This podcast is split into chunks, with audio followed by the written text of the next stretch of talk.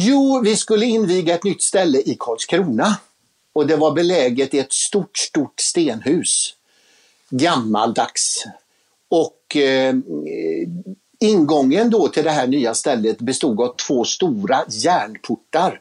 Och sen fick man gå en lång gång och en trappa upp där själva insläppet var till lokalen med kassan och vakter och sånt. Va? Mm, mm.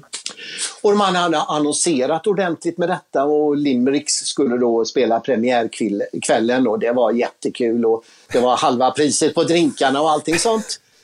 Och klockan nio skulle vi börja spela och källarmästaren gick där och gned händerna. Vi hade ställt upp och stämt och gjort soundcheck. Och klockan blev nio och det hade inte kommit en kotte. Mm. Nej. Och vi tittade på varandra och sa, vi, ja, men vi börjar ju inte spela förrän det kommer någon då. Nej, det gör vi inte då. Liksom, ja. Och så blir kl- klockan kvart över nio och den blir halv tio. Och kvart i tio sa källarmästaren, ja det var ju jättetråkigt, nej ni behöver inte spela någonting, vi får slå igen, det, det, det kom inget folk. Och då gick Okej. hon som satt vid kassan långt där uppe, gick ner för trappan, långa korridoren och skulle stänga dörren. Det var bara det att de hade glömt att öppna de stora järnportarna. De var låsta. Så folk hade gått där och bankat och, och man hade inte hört det inte. Hördes inte det?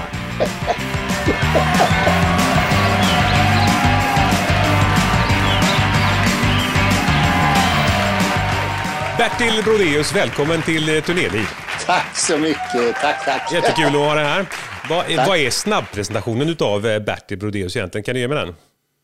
Okej, eh, aldrig haft något ordentligt arbete, varit musiker i hela mitt liv. Frilans, eh, egen företagare i musikbranschen. Snabbdragningen är börja spela trummor 1962. Eh, var förband på flera spelningar till Tages, Göteborgs största popgrupp. Och förband, i vilken, i vilken form då? Eh, Ja, vi spelade i en grupp som heter Baglers som jag startade då i början på 60-talet. Och, men det var pop sådär då, eller?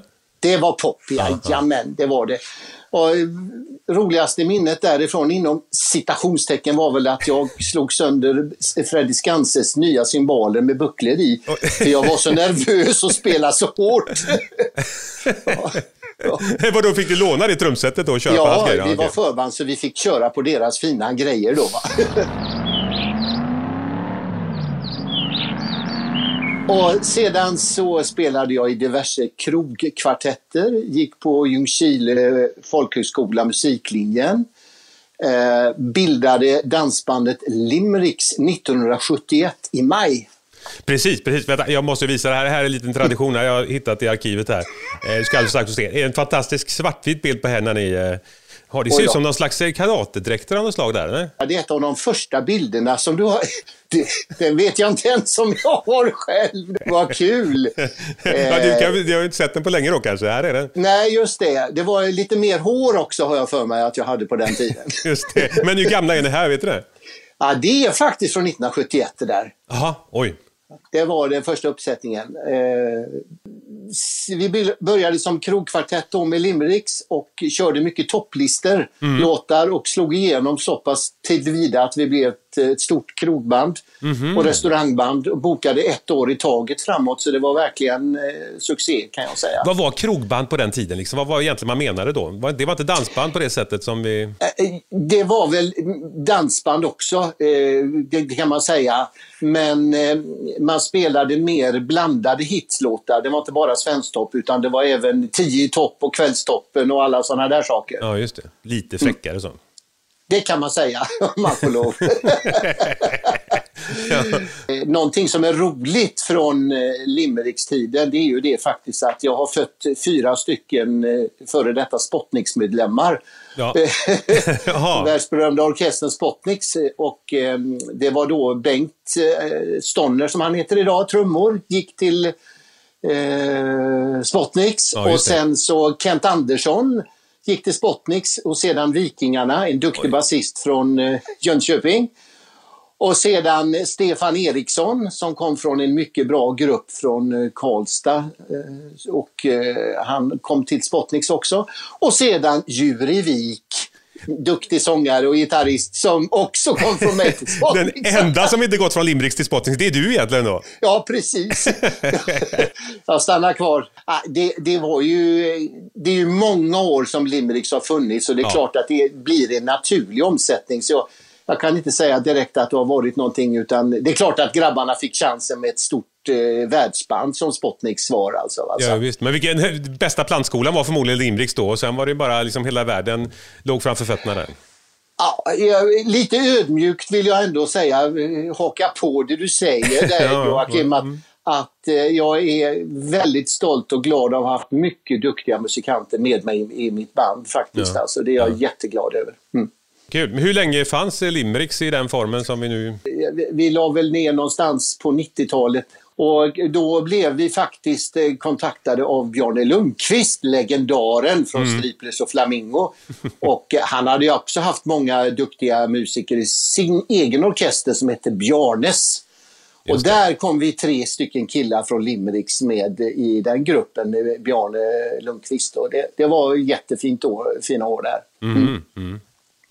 Min, min far spelade ju i, flera olika band, men Allarin bland annat. Och de hade ja. er, er Limericks då som en, liksom en målsättning när det gällde gage. Sådär, va? På något sätt så visste han ungefär vad ni hade i gage och hade det som målsättning att vi ska ha minst lika bra som Limericks. Oj då, det var, det var, det var roligt att höra.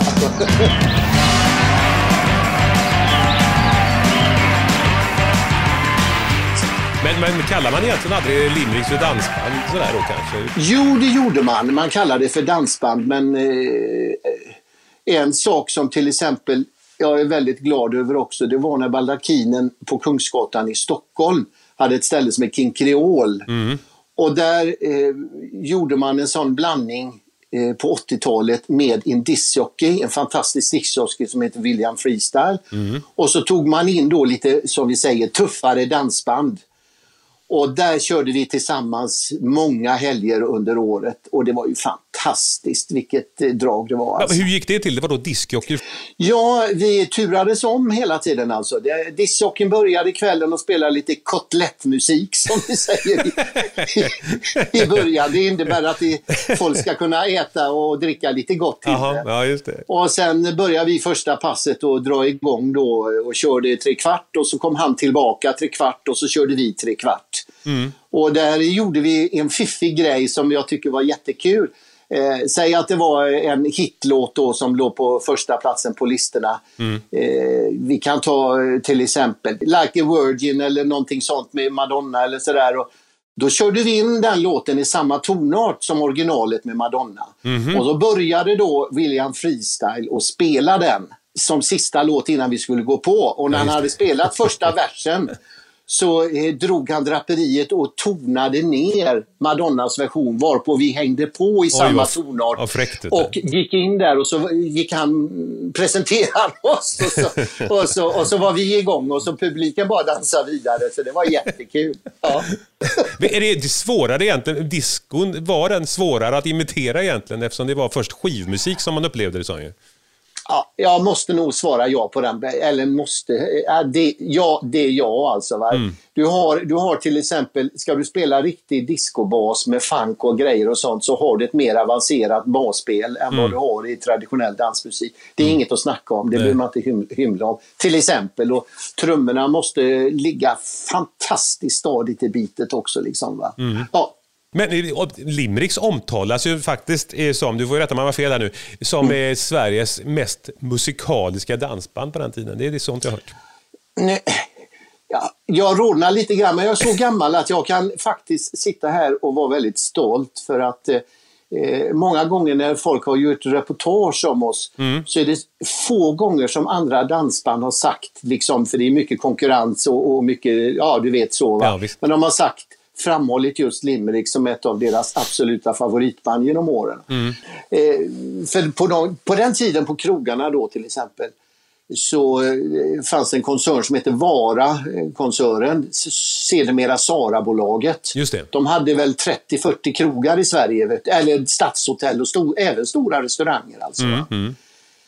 Och då hade man många jätteduktiga utländska band som var högt utbildade och spelade sånt. Men jättetråkiga på scenen, tråkiga scenkläder, spelade perfekt och det, var ingen, det blev ingen stämning. Och inte listlåtar utan standardlåtar. Ja. Liksom, va? Ja, ja, ja. Och så kommer då unga eh, fräscha grabbar i Limericks som har kört in 20 listlåtar från Kvällstoppen, 10 topp och, och Svensktoppen. Eh, Och så kör vi det på kvällen. Folk trodde inte det var sant. Nej. Eh, Ett bra exempel kan jag säga, det var när ABBA vann med Waterloo 1974. Ja. Då spelade vi alltså på eh, Trollhättans stadshotell. Och i pausen så sitter vi då va, och har bandat med kassettbandspelare Abbas Waterloo. Det är Från tvn då Och i liksom? nästa, precis, och radion sändes den ju också över radion. Var det Melodifestivalen? Jaha, oj, okej, Ja, men, ja. ja. Ja, Och när den vann så hade vi spelat in den då i en paus. Och i nästa paus så satt vi och tog ut den och skrev texten och, och lärde oss låten. Och så i sista eh, tre kvarten gick vi ner och spelade Melodifestivalvinnaren, Wow. schlagerfestival som det Wow. hette, Waterloo för publiken och sa att den har vunnit och det är Sveriges ABBA. Ja, vi fick ju spela den fyra, fem gånger. Ja, ja. ja, det är bra låt också. Och där är ett litet exempel då att vi var på tårna Ja. med aktuella grejer var på bandet slog alltså också.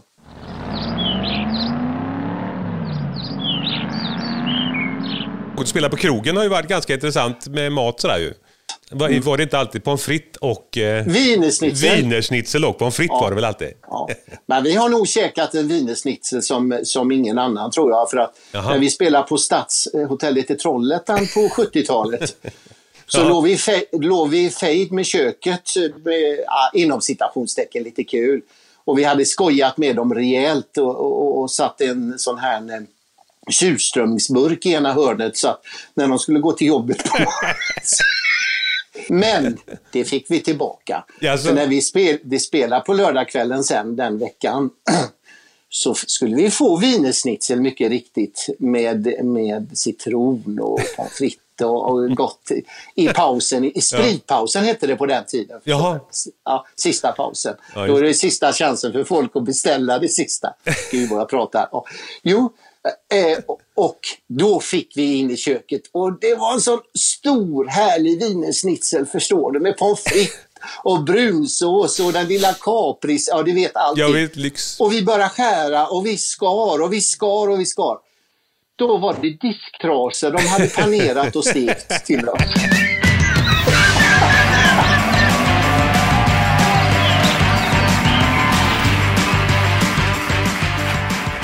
Vi spelade på Hotell Kramer i Malmö som var en fantastisk dansplace. Alltså, Just det, va? just det.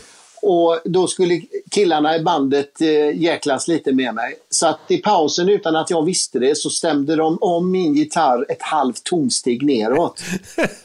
Och så visste de det, då visste de det att när vi skulle gå in efter pausen så börjar vi alltid med en lite lugnare låt. Va? Ja. Och sen brukar jag dra igång med en rocklåt i andra dansen.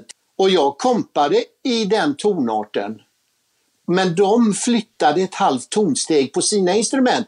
Det stämde det jag spelade. Just det. Just För det. de hade flyttat de två första låtarna. Då tog jag mitt A-ackord på gitarren, men det är ju ett ass då, för de har ju ställt om den ett halvt tonsteg. Och så börjar jag Well it's one for money, two for the show. Börjar jag då va. Ja. Sen börjar de spela i rätta tonarten av. Ja. Och du vet att det stämde ju inte och jag blev ju tokig. Och jag var tvungen att gå fram till Tommy som spelar B3 Hammarnorge där och titta, vad trycker du ner för tangent? Vad fan, men Tommy, han har, han har ju ett A-dur-ackord där Ja. liksom va. Den, den, den är en av de bästa lurendregerigrejer jag råkat ut för. Hur började du helt och hållet med ett instrument? Vad var det första, din första musikaliska upplevelse? Sådär? Eh, 1962 gick jag på Göteborgs kommunala realskola. Och eh, då kom, såg vi gitarrer i fönstret på någonting som hette, vad hette det, Bytbörsen, vad hette det? Ja, där man kunde byta med skridskor och en gitarr. Var det Ja, sån? just det! Bra Just det. Joakim! Är du så gammal? jag vet det, det kommer jag ihåg sådana ställen. då var det Göran, en, en, en av mina bästa barndomsvänner och Sture som spelar gitarr i många sammanhang sen med mig, även i Limericks. Vi såg gitarrer där och vi blev tända och vi hörde Beatles Love Me Do. Ko- Och sen så började vi spela tillsammans då alltså. Va? Ja. Och vi åkte på, med spårvagnar med stora högtalare och förstärkare och trummor. Oj. För att åka och repa. Vad kul, ja visst. Så så började det och jag hade min första spelning på Björngårdsvillan när den invigdes. Jag tror det var 1963 eller någonting sånt. Och då spelade jag trummor och eh, fick fem kronor och en varm korv. Ja. När du bytte skridskorna där så köpte du trummor istället då? Ja, just det. Ja. Det var trummor var den första? Ah, okay. Jajamän, ja, ja, vad roligt. Ja, okej. men, men, och sen bas, men det var helst bas du egentligen ville redan från början? Du Ja, men det tog många år för vi hade duktiga basister, Stefan var Eriksson. tvungen att bli av med dem först så att Ja, du kunde ja, liksom precis. göra plats Och för... det- Kent Andersson till exempel som spelade med Vikingarna. Jätteduktig basist också. Liksom, va? Nu förstår jag varför du vill bli av med alla till Spotnix. Det enda sättet. Kan ni gå uppåt så att det gör lite utrymme här så att jag kan... Jag är också intresserad av att spela. Precis!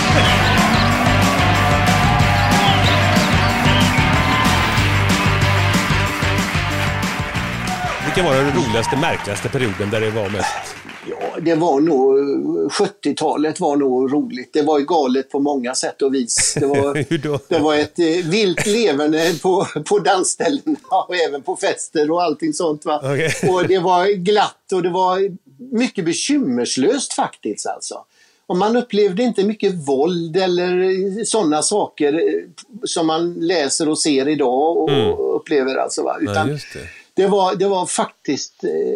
Nej, det var ett eh, speciellt eh, årtionde tycker jag. Jag tycker det och detta sättet att träffas på också. Va? Liksom, va? Det, är- det är en kultur och det är, eh, det är så galet att det ska uppdelas och ses nes på dansbandsgrejerna.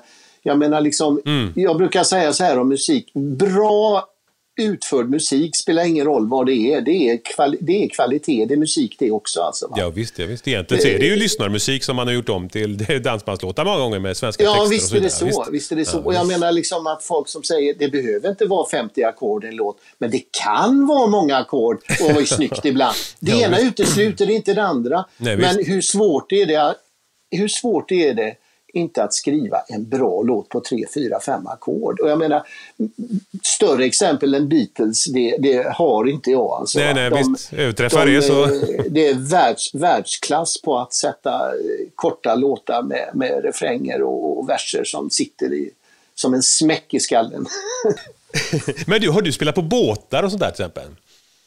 ja, det Ja. har jag gjort också. Och vi kompar ju alltid artister där på båtarna. Det var ju till, eh, vad heter det, Åland. Just det. Ålandskryssningen.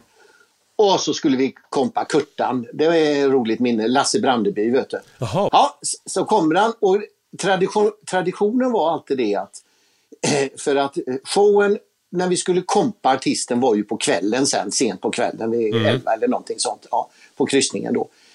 Så ringde vi till Lasses rum på båten. Eh, kan vi repa nu showen? Nej, vi behöver inte repa, sa han och la på.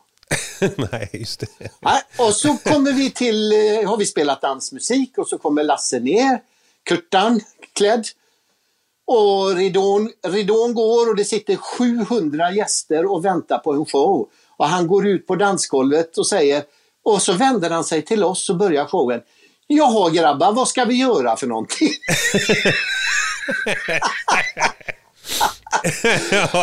Och då är, då är det ganska skönt att ha mer rutinerat folk eh, som eh, kan sina instrument och Just låtar. Alltså. Så säger han bara äh, vi kör den här flickor bak i bilen, da du di dam dam di du. Och, så, och han bara tog den ena låten efter den andra och det var bara att hänga på.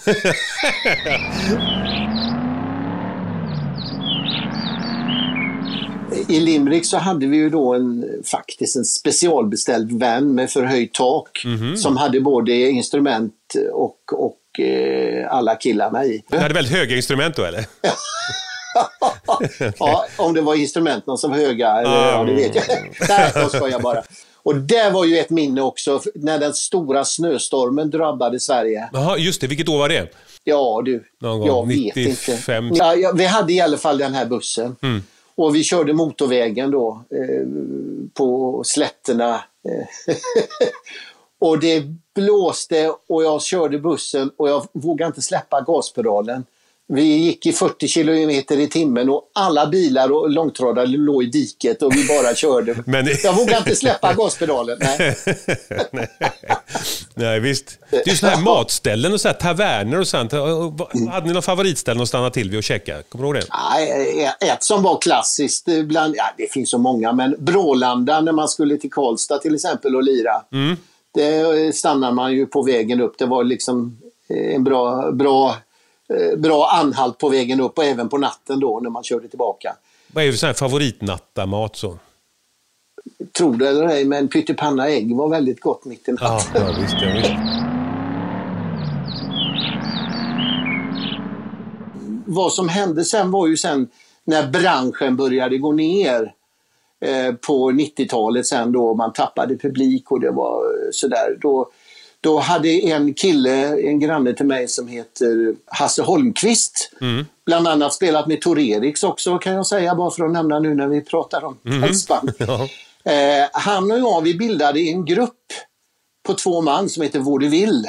Just det. Och det, det var ett av de roligaste sakerna som jag har upplevt i mitt, mitt eh, underhållningsliv vid sidan av musiken.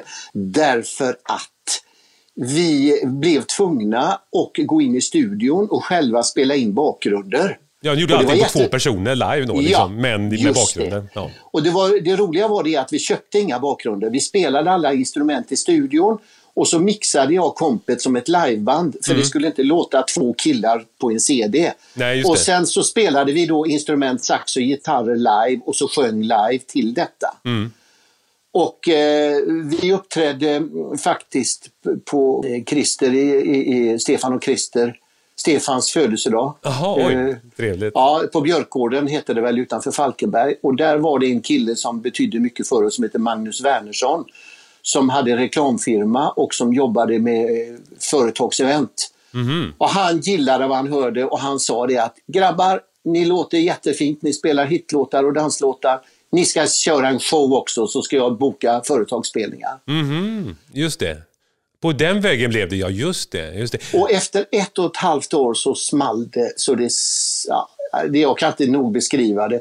Vi fick turnera med Telia, vi jobbade för SSAB, vi jobbade med Volvo, vi jobbade med alla stora företag och var ute och turnera och, och gjorde detta. Och det var Ikea, det var fantastiska i tid alltså. Helt underbart. Och du vet att varje företag som hade 60-årsjubileum de bredde på ordentligt med kända kockar från kockmästarna i, från TV. Allting, bästa allting, Så vi visst. hade världens bästa, bästa musikkäk hade vi i flera år.